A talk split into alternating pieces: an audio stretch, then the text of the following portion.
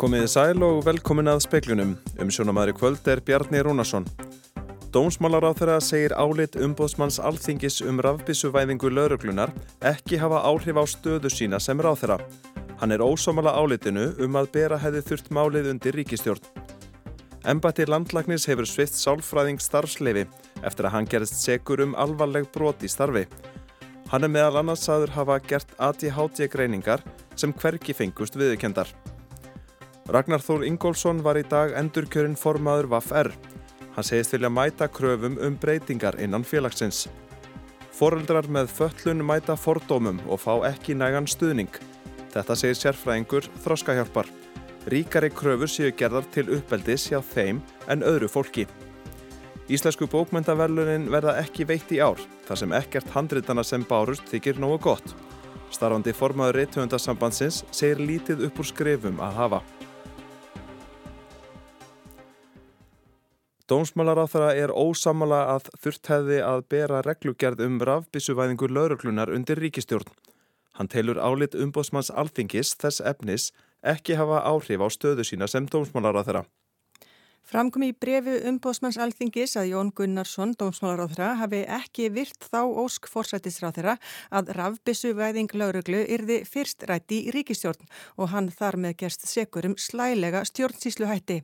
Jón segir reglugerðarbreytinguna ekkert stórmál og því hafi ekki þurft að ræða hana sérstaklega. Ég tel þetta ekki að hafa verið þannig málefni að, að ég hefði þurft að bera það upp í ríkistjórn. Þetta er í mínum huga ekki stór ákvörðun eða stór breyting frá þeim reglum sem þegar gildi og ákvörðun sem að hafa fordæmi skildi um það hvernig meðhöndlað eru breytingar á þessum reglum. Nú vísar hann meðal annars í landstóm yfir Geirhá Horti, já, Er þér stætt sem domsmálar á þeirra eftir þetta? Já, hann er nú ekki að dæma mig í þeim öfnum og ég verð nú að segja að það er hansi langt seilst að uh, bera þetta saman við það að uh, ráþæra, fórsættisráþæra var á sínu tíma sagaði fyrir að taka ekki upp á vettvangi ríkistjórnar bankarhun sem var að verða á Íslandi Já, menn ég byrð bara hvern og einn að leggja mat á þennan samanburð og kannski er það nú þannig að þetta sé nokkuð gildislaðu og þess vegna sé ég svolítið hissað þessari vegferð uh, umbósmanns. En ertu eitthvað í huga stöðina sem ráðara, dómsmálar ráðara? Á grundveldi þessa máls? Nei, alls ekki. Saði Jón Gunnarsson, Alma Ómarsdóttir talaði við hann. Sálfræðingur sem sagaður var um að hafa gert ADHD greiningar sem hverki fengust viðkendar hefur verið sviftur starfsleifi sínu. Landlæknir segir mannin hafa gest sekan um atferðli sem hafi brotið í báa við lög með hyrðuleysi og skorti á faglegri hæfni. Þetta kemur fram í úrskurði ennbættis landlæknis þar sem kvartanir og hendur manninum eru raktar með ítarlegum hætti. Þar segir ennfremur að maðurinn hafi afhendað minnst á kosti einum sjúklingi örfandi lifið aðteglisbresti án þess að skrifa upp á livsiðil og hafi þannig sínt af sér alvarlega vanþekkingu og ógnað öryggi sjúklingsins. Þá er sálfræðingurinn sagður hafa verið í samvinnu við portugalskan geðleikni, sett upp mynd við töl fyrir sjúklinga sína við hann og fengið hann til að skrifa upp á livsseðla. Einnig hafði sálfræðingurinn milligöngu um að koma sjúklingi í meðferð hjá dönskum geðleikni sem hugðist senda honum liv með DHL. Livin bárust aldrei.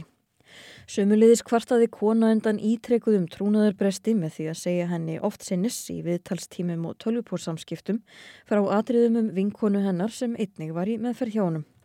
Sálfræðingurinn er eldri en 75 ára, hafði ekki sóttum undan þáu til að vita hilbriðistjónustu og eiginstofu og var því án starfsleifis. Landlæknir er afdráttarlaus í úrskurði sínum og segir sálfræðingin hafa verið ófæran um að gegna starfi sínu eftir að hafa sínt af sér alvarlegt hyrðuleysi með atferðli sem fór í báa við lög. Hann hefur því verið sviftur starfsleifi sínu.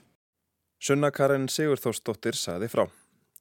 Ragnar Þór Ingólfsson sem endur kjörin var formaður vaffer í dag segist vilja koma til móts við þá sem vilja breytingar innan vaffer. Ragnar Þór fekk um 57% atkvæða en mótframbjóðandi hans, Elva Hrönn Hjartardóttir, tæp 40%. Ragnar segir að vissulega sé orðræðan í verkalýsreifingunni hörð, en mikilvægara að hún sé með lífsmarki og í fanta formi.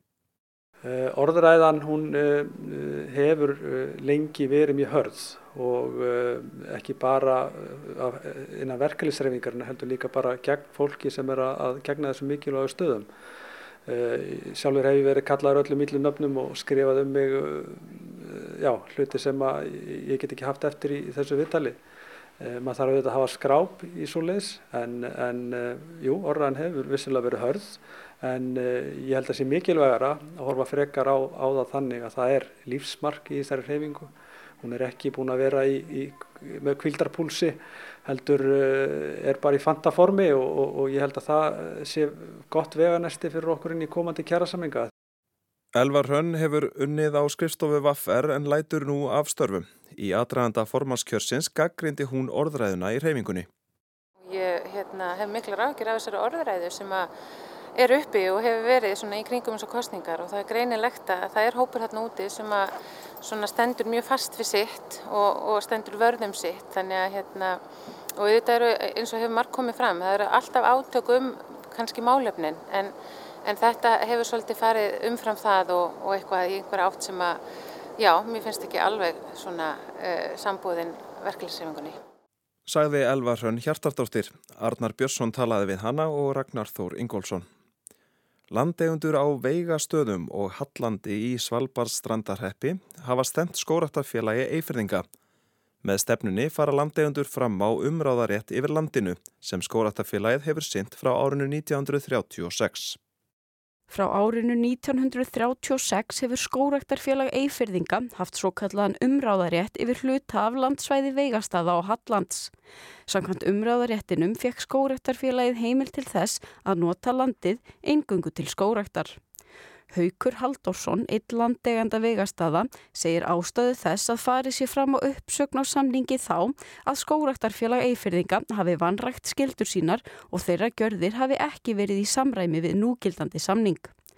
Haukur segir að landegendur hafi áður óskað eftir að samningurinn erði endurskoðaður en því hafi alltaf verið svarað með skætingi af hálfu skóraktarfélagsins.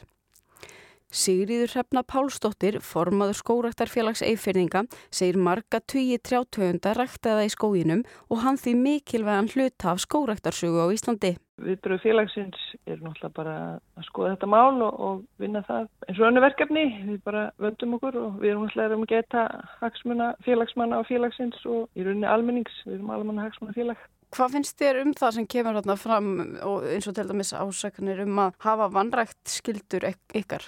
Í stuttumáli þá erum við ósómala. Saði Sigriður Hrefna Pálsdóttir, Amanda Guðrún Bjarnadóttir tók saman.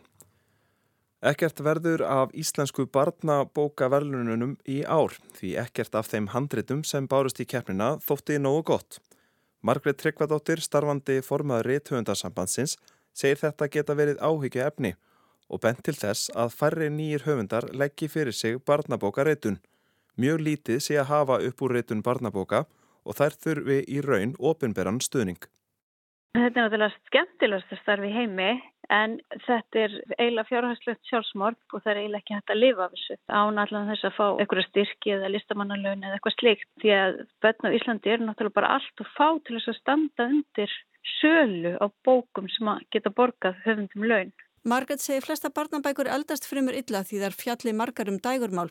Rítumundar fá hluta á söluverði og barnabækur eru yfirleitt mun ódýrari en bækur fyrir fullorna. Það eru náttúrulega oft myndlistar og þá skiptist þessu upphæð sem er ná ekki há á milli textahöfundar og myndahöfundar og stundum bara alveg jáft en stundum fær annar þeirra eitthvað meira þegar bara eftir umfanginu. Þannig að það er mjög lítið upp fyrir að hafa. Margrit er uggandi við framtíð íslenska barnabóka. Við verðum að vera á tánum og við erum held í dögafæri. Við getum búið til efni, bókmentir fyrir börn á Íslandi sem að endur spekla þeirra uppruna og samtíma. En þá þarf, þurfa allir að vera með í því. Bæð, ekki bara höfundarnir að reyna að skrifa heldur útgefundir þurfa þá að vera viljúri kannski til að gefa meira út en báðir aðeinar þurfa í raun ofinbjörn stuðning því að þetta stendur ekki undir sér. Saði Margret Tryggvadóttir, Kristín Sigurðardóttir talaði við hana. Fóreldra með föllun mæta miklum fordómum í samfélaginu að fá ekki nægan stuðning. Dæmer um að konu með þroskaskerðingu sé að gefnir hormónar án þeirra vitundar til að koma í veg fyrir þungun. Í kveiki gær var rætt við ungan mann sem álst upp hjá senfarum foreldrum. Þau mættu miklum fordómum þegar von var á drengnum fyrir um 20 árum. Fullist var að hann myndi erfa föllun foreldra sinna og þau voru kvött til að gefa hann frá sér. Inga Björk Margreðar Bjarnadóttir, sérfræðingur hjá Þróskahjálp og doktorsnemi Þróskaþjálfafræði segir þessi viðhorf en við líði. Hún segir að ekki sé til neinn sérstök tölfræðum fjölda seinfæra foreldra en mörg dæmi séum að seinfæri foreldrar séu hvött til að gefa frá sér börn sín. Það hafa verið gerða marga rannsórnir um stöðu sinnfæra fóreldra og sérstaklega sinnfæra mæðra og þar hefur komið skýrt fram í sögum margra kynnslóða sinnfæra mæðra um að þær hafi verið kvartarbæði til þess að fara í þungunarof og til þess að gefa börnin sín e, til ætlengar eða fósturs. Og það er alveg ótrúld að sjá hvað þær eru, hafi verið á breyðum aldus, aldus hérna, skeiði og, og það sem kannski snerti mig svolítið við að skoða sögur þessar hverna er að sjá hvað eru úrraðgóðar í að verja sig gagvart yfir á þeim kervisins og líka aðstandanda í mörgum tilfellum. Til dæmis að eitna, fela þungun eins lengju þar mögulega geta til þess að sé ekki hægt að þvinga þær í fóströðingu eða þungunarof þannig að það séu of langt gengnar þegar aðstandendur að fagfólk uppgötar að það eru barnsáandi. Þannig að þetta eru svona ofbúðslega sorglegar sögur af sem sína samt alveg ofbúðslega svona sterkan baráttu vilja og sterkan anda sem fallar konur og fallar fóreldra almennt uh, hafa þurft að þróa með sér og ebla til þess að fá að sinna þeim grundvallar rétti að vera fóreldri. Hún segir þetta enn gerast. Áður fyrir voru gerðar ófrjósemisaðgerir á fólki með föllun, en er það enn gert? Við erum komið með skýrari lagaramma sem banna þessar hérna, aðgerðir um, ófrjóðsums aðgerðir gegn vilja fólks. En við erum kannski að horfa upp á svolítið aðra aðstæð núna þar sem maður veit af því að fólk sem býr í búsiti þjónustöða á sambílum að það er oft sett á hormonalif eða getnaðvarna lif til þess að koma í veg fyrir þungun eða til þess að koma, hérna, koma í veg fyrir blæðingar til þess að innfalda starfsfólki í lífið. Og þetta eru þetta fellur alveg undir sama flokk. Þannig að vera að hafa áhrif á frjósemi fólks oft uh, án þess að viti af því að gegn vilja þess. Við höfum fengið sögur þess efnis að konur hafa kvarta til okkar og sagt okkur, treyst okkur fyrir sínum sögum um að þar hafi verið þingari ófrjóðsefnisaðgerðir og kannski eins og hefur verið lísta þar hafa kannski farið aðra aðgerðir og, og það hefur verið svona verið að nýta, nýta aðgerðina til þess að framkvæma þessar hræðilu aðgerðir. Og ég hef heyrt frá nokkrum þeirra að þeim sárna mjög að ríkja ef ekki beðist afsökunar á því að þessar aðgerði hafa verið framkvæmdar. Þessar konur eru ekki mjög gamlar í dag, þetta er ekki, ekki orðinir allir lífið stegar sko, þannig að þess að ég fari kannski dýbra í, í það. En í hverra höndum er að meta hæfi fólks með föllun til að vera foreldri? Ég myndi segja svona heilt yfir, það er þá náttúrulega alltaf samfélagi sem er að setja einhverjar, draga einhverja línur um hverju séu hæfur og hverju ekki og þetta er auðvitað mjög breytingum háð, það er ekki langt síðan að einstæði mæður gáttu ekki eða ein, einar einstak konur gátt ekki ættleitt börn til dæmis og það er ekki langt síðan okkur fannst óveðandi að samkynja pör væru eignast börn. Þannig að það, það er einhverju svona óskrifa reglur sem er alltaf að breytast og þróast. En hvað varðar svona sinnfar og falla fóreldra þá náttúrulega ef svo lengi sem að fólk getur eignast börn þá náttúrulega þú veist getur svo sem enginn skipt sér af því í svona gagkinja samböndum þar sem fólk er ekki að klíma við ófrjóðsumins vanda þá náttúrulega bara eignast fólk börn ef það, ef það vill það. En það, það er oft bara frá fyrsta degi og alveg, og alveg frá því að fólk byrjar að fara í maðuravenda þá er svona byrja kerfið aftur að fylgjast með uh, hvernig fólki gengur. Og þarna spila náttúrulega inn í félagsþjónustan barnavend og heilbríðiskerfið og, og það eru bara bæði hér á landi og erlendi sem, sem við höfum séð vísbendingar um það að falla fólk njóta ekki sannmælis að það séu strángari kröfur að við einhvern veginn ætlumst til meira af þeim heldur en af óföllum fóreldrum og, og margt falla fólk og falla fóreldrar upplifa að þau megi alls ekki mistiga sig að það sé einhvern veginn alltaf verið með þetta arnar auga að fylgjast með og í rauninni verið að býða eftir að mistiga sig. En hversu mörg okkar myndi þóla það að fá ótilkynnta hérna, heimsornin á heimilið það sem er kannski allt í drastli og, og hérna og vítur sér morgumat skilur þú veist. Það er bara alls konar aðstæður og stundum er þvótt á sig á manni tómt og stundum er það fullt en það er einhvern veginn alltaf gerði þessi krafa á sérstaklega seinfara fóröldra að það verða að vera allt tipptopp og börnin verða að standa sér óbúslega vilja í skóla og þau með ekki mistiða sig, fóröldrarnir með ekki mistiða sig þannig að þetta er rosalega mikið pressa og ég held að mjög mörg okkar myndu bara bókuna undan þessari gríðalög pressum um að vera full, fullkominn sko. Sagði Inga Björg Margreðar Bjarnadóttir Anna Lilja Þóristóttir talaði við hana Nánar verður fjallaðumálið um í sjóarsfrettum klukkan 7.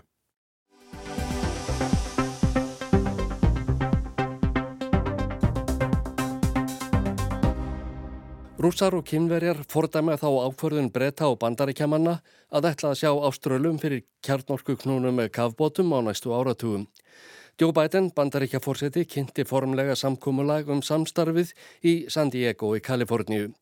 Viðstattir voru fórsetis ráþeirar Ástralíu og Breitlands þeir Antoni Albanís og Rísi Súnak. Bætan sagði að eh, til samstarfsins væri stopnað til að tryggja frelsi, velmegun og öryggi ríkja á Asíu Kirrahafssvæðinu með tækifærum fyrir alla. Our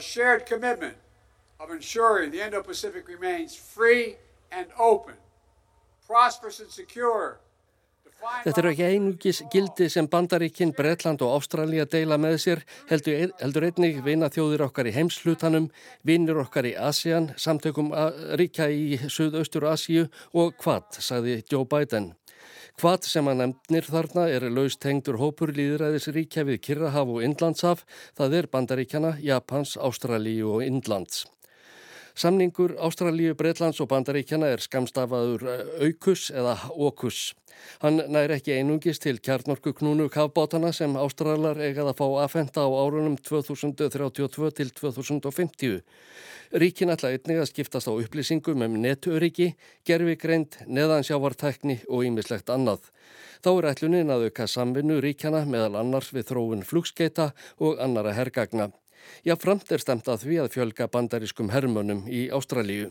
AUKUS has one overriding objective to enhance the stability of Indo-Pacific amid rapidly shifting global dynamics. Aðal tilgangurinn með okkus samstarfinu er að ebla stöðuleika í löndunum á Asíu Kirrahafssvæðinu á tímum örra breytinga á heimsvísu, saði fórsetin og bætti við að verkið væri einungis að hefjast.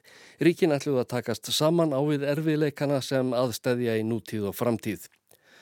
Fáum blandast hugur um að til okkus bandalagsins er stopnað vegna síaukins vigbúnaðar kynverja á Indlands og Kirrahafi á undanförnum árum. Þegar áformin voru upphaflega kynnt haustið 2021 sögðu stjórnvöldi Peking að þau ógnuðu friði og stöðuleika í heimslutanum. Þau varnar orðu ítrekkaði Wang Wenbin, talsmaður uthærrikisráðuneytisins í Kína á fundi með frettamönnum.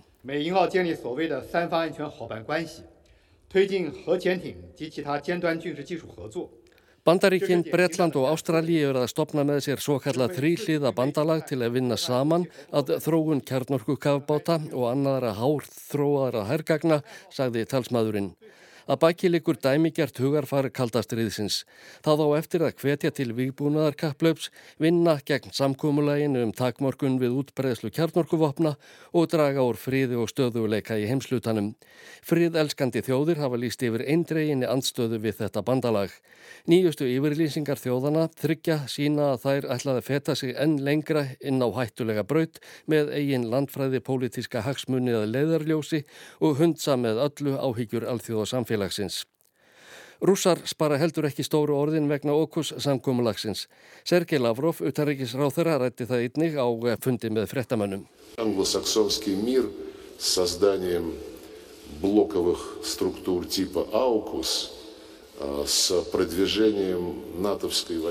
Engilsaksnesku þjóðirnar eru með þessari okkusblokk að ebla innviði Allansáfsbandalagsins í Asíu sem á eftir að valda alvarlegum árækstrum í fjölda ára, saði Lavrov og bætti við Ég sé ekki fyrir mér að hinn siðmentuðu Asíuríki eigi eftir að samþykja að beigja sig undir NATO-valdið eins og raunin varð með Evrópusambandið. Ég trúið því ekki að þau eigi eftir að fallast á ráða gerðir valdamanna í Washington og annara engilsaksneskra félaga þeirra.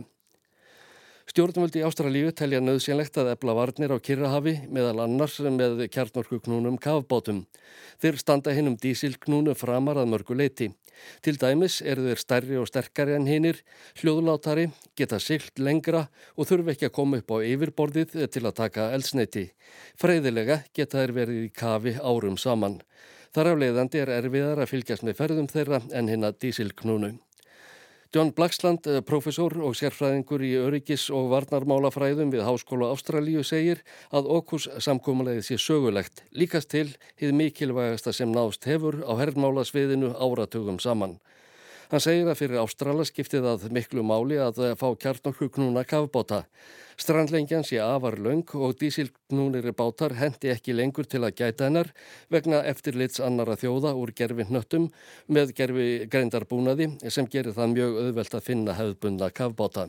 We've been in submarine business for generations. We don't want to drop out. China would like us to drop out. Við höfum haldið úti kafbótaflóta áratugum saman og ætlum ekki að hætta því þótt kynverjar vildu gerðnan að við gerðum það, segir John Blacksland. Hann bætir við að líkast til hafi kynverjar allt á hornum sér vegna okkus samningsins meðal annars því hann ebli herr styrk Ástrala til muna. Blacksland gefur lítið fyrir yfirlýsingar rúsa og kynveri um að bandalag Ástrala, bretta og bandaríkjamanna eigi eftir að raska öryggi og draga úr hernaðarlegum stöðuleika í heimslutanum. Hvort kom á undan, hænan eða ekkið spyran. Þessi samningur hefði aldrei orðið að veruleika nema vegna aukina hernaðurum svifa kínverja á þessum slóðum. Af þeirra völdum eru Japanar að tvöfælda útgjöld sín til varnarmála og Philips eigingar bæta samskiptin við bandaríkin eftir að þau kólnuðu í tíð fyrverandi fórsetta. Þrátt verir marg ítrekkaðar yfirlýsingar um að nýju kafbáturnir verði auðníkjus kjarnorku knúnir en eigi ekki að bera kjarnorku vopp, heyrast rattir sem vara við áallunum sem okkurst þjóðirinnar hafa kynnt. Alþjóða kjarnorkumálastofnunin er þeirra á meðal. Þá eru ástrálskir stjórnmálamenn ekki allir sammála um ágæti áallunarinnar. Þeirra á meðal er Pól Keating fyrirverandi fórsættisráþara. Hann sendi frá sér yfirlýsingu í dag þar sem hann segir að tímin eigi eftir að dæma ágæti okkus samstarfsins en hann vilja að komi skýrt fram að hann telli að þjóðirinnar séu að gera mistök. Ástralar fylgi bretum og bandaríkjum í blindni og ástralum stafi engin áþreifanleg hernaðarleg og af kynverjum. Ásker Tómasson tók saman.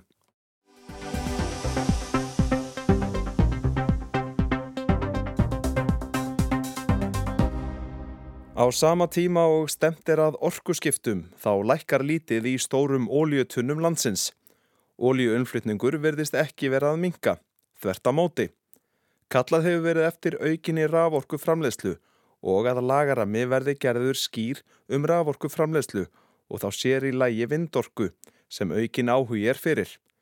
Stjórnmálamenn hafa verið kvattir til aðgerða í raforkumálum. Raforkukerfið sé orðið full nýtt og virkja þurfi meira allt til að orkuskipti séu ekki orðin tóm. Þetta kom fram á ársfundi landsurkunar á dögunum, á yðnþingi í seinustu viku og nú seinast á ársfundi samorku sem framfór í dag. Jóhanna Vítis Hjaltadóttir fréttamaður rætti í dag við Guðlaug Þór Þórðarsson um hverfis orku og lofslagsrað þeirra. Þetta kemur nokkuð óvart að heyrandi frá þessum hópi vegna þess að við eh, þessi ríkistjórn hefur gert meira heldur en ríkistjórnir undanfarna áratuga eða allavega ára tugar eh, og eh, við samþyktum eh, bæði frumvarfið um, eða þingsónduna um, um ramman og þar eru virkjana kostir í nýtingaflokki og það er fyrirtækjana að, nýta það. Sömulegis var samþykt frumvarf um að einfalda reglugerða fyrirkomulega um stækkun virkjana. Þannig að það er mönnum ekki neitt að vannbúnaði og sömulegis var eh, í þriðja lagi var eh, samþygt eh, frumvarp um, um orku spartnað. Þannig að það er nóga borðinu til þess að vinna úr. Að auki erum við að vinna að því að skoða vandi vindin en ramma vinnan heldur áfram sömulegis, samhliða og mjög margt annað í gangi. Þetta er stort verkefni og það er svolítið komið tíma á að menn svona hætti að fara að kvarta og eh, fari bara hver og einn að eh, reyna að vinna saman að þessu mikilvæga markmiði okkar í loftlasmálum. En miða við þau orkuskipti sem eru framöndan að þínum mati þarf að virkja meira? Það likur alveg fyrir að við þurfum meiri græna orku. Það er alltaf leiði fyrir. og uh, við vorum kannski, þegar við settum okkur þessi háleitu markmið, því að þau eru mjög háleit, að uh, þá vorum en uh, kannski ekki, ég ekki kannski búin að undirbyggja það jafnvel eins og maður vildi hafa, en í ofanálag, að þá er þetta, erum við að finna upp hjólið. Og það er ekki bara Íslandingar, heldur bara jarðabúar með því að breyta úr jarðefnelsniti yfir í grænorku og verkefni okkar sem er mjög stórt hérna er samt mjög lítið með við verkefni margra annar ríkja. En það liggur alveg fyrir við námins aldrei nema með samvinnu og allir aðeins, ekki síst aðtunlífið, taki virkan þátt. Og þess vegna er við uh, búin að fara í vinnu sem að gengur vel, vanandi geira uh, fyrirkomlæðið, þar sé að við erum að vinna með hverjum geira fyrir sig aðtunlífinu, með að, að móta vel ígrundaða mælanlega aðgera átlun í lotlasmálum. Þannig að allir þessi hlutir eru á flegiferð en, og, en það er mjög mikilvægt að menn noti þau tækifæri sem eru nú þegar til staðar því að okkur liggur á, því að markmiðin eru mjög metnaðafull og það sem er að nefna, þetta er ekkert að koma upp núna, þetta er leiði fyrir lengi en uh, við breytum því ekki þessum undanum gengið. Við getum ekki búið til græna orku árið 2018, það er bara það ár er lið og, og, og við bara stöndum á þessum tíma sem við erum með núna. Nú fjármálaráður segða alþingi í vikunni að stjórnvöld myndi ekki ná markmiðin sínum að draga úr lósun um að virkja vindin. Eh, hvað segist þú um það? Það liggur alveg fyrir. Það er alveg ljóst að við þurfum að finna jafnbæi milli grænar orkuframlegslu og eh, sömuleiðis náttúruvendar. Það er í forgrunni og eh, þegar við skoðum stærðirnar þá þurfum við þetta 3000-3500 megawatt eh, til þess að ná markmiðum okkar á tiltölulega skömmun tíma. Og bara vassafsvirkjum sem er nokkuð umræð núna kvamsvirkjum, hún er 90-95 megawatt og ég veit ekki til þess að það séu 30-35 kvamsvirkjanir sem er gerlegt að, að fara í. Það er engar hugmyndir upp um stærstu virkjunina eins og Kárnungavirkjun Þannig að það liggur alveg fyrir að eh, við þurfum að jafna í þessu eins og öðru. Þetta er bara staðrinnar, svona er þetta og núna er verkefni okkar og við þurfum að taka samtal, við þurfum að vanda okkur en við þurfum hins vegar að taka ákvæðanir af því að við munum öll hagnast á því að ná markmiðum okkar í loftlasmálum. Það stefnir í að þurfa að flytja einn meiri ólíu hinga til lands en nokkru sinni. Hver eru þín viðbröð við því og er kannski komið að því að þurfa að setja ykkur bóða bann? Ég er nú ekki viss, eh, með þær upplýsingar sem ég hef eh, verið nú vantalega ekki sleið með, en það er kannski aukaðri. Aðalatri er þetta að eh, okkur liggur á þegar kemur á loftlagsmálum. Auðvitað höfum við náð árangri og það er ánægilt að sjá það, en hins vegar eru markmiðin náttúrulega þau eru gert ráð fyrir því að við náum þeim eftir nokkur ár og sveplur eins og þessar er erfitt að eiga við. Ég veit ekki, ég gerir ráð fyrir því að aukin umferð eh, skýrist meðal annars af, eh, af eh, auknum kulda meðal annars á Íslandi og það er nú erfitt að eiga við það en ég held að sé aðlatri að halda að við séum með þetta skýr þegar kemur að stórumyndinni og við erum að fara í orkusskiptin. Auðvitað er það ánægild að við séum nú með tvö í heiminu þegar kemur að, að samgöngum á, á, á fólksbílum en við þurfum að gera betur þar eins og annar staðar og það er svo sannlega ekki bara pólitísku vilji til þess heldur eru við eh, að sína það eh, í fjárlögum að við ætlum að, að fara þessa leið. Sæði Guðlugur Þór Þórðarsson. Veðrið, norrlæg átt 5-15 metrar á sekundu, kvassast austast og sumstaðar öflugir vindstrengir suðaustanlands. Jél norðaustanlands í fyrstu, rofa síðan til en annars víða léttskíjað. Heldur hægari vindur og yfirleitt bjartviðri á morgun en jél austanlands og fer að snjóa þar sent um kvöldið. Frost 3 til 16 stig, kaldast í einsveitum norðaustanlands en hlánar siðst á morgun. Það var helst í speklinum í kvöld að dómsmálaráþra segir álit umbóðsmanns alþingis um rafbísuvæðingur lauröklunar ekki hafa áhrif á stöðu sína sem ráþra. Hann er ósámala álitinu um að bera hefði þurft málið undir ríkistjórn. Embati landlagnis hefur svift sálfræðing starfsleifi eftir að hann gerðist segur um alvarleg broti í starfi.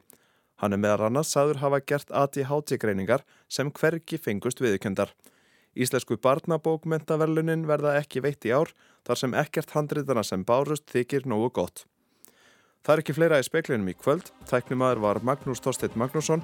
Frett átsendingu stjórnaði Ingi Börg Sara Guimundsdóttir. Njóti kvöldsins og verið sæl.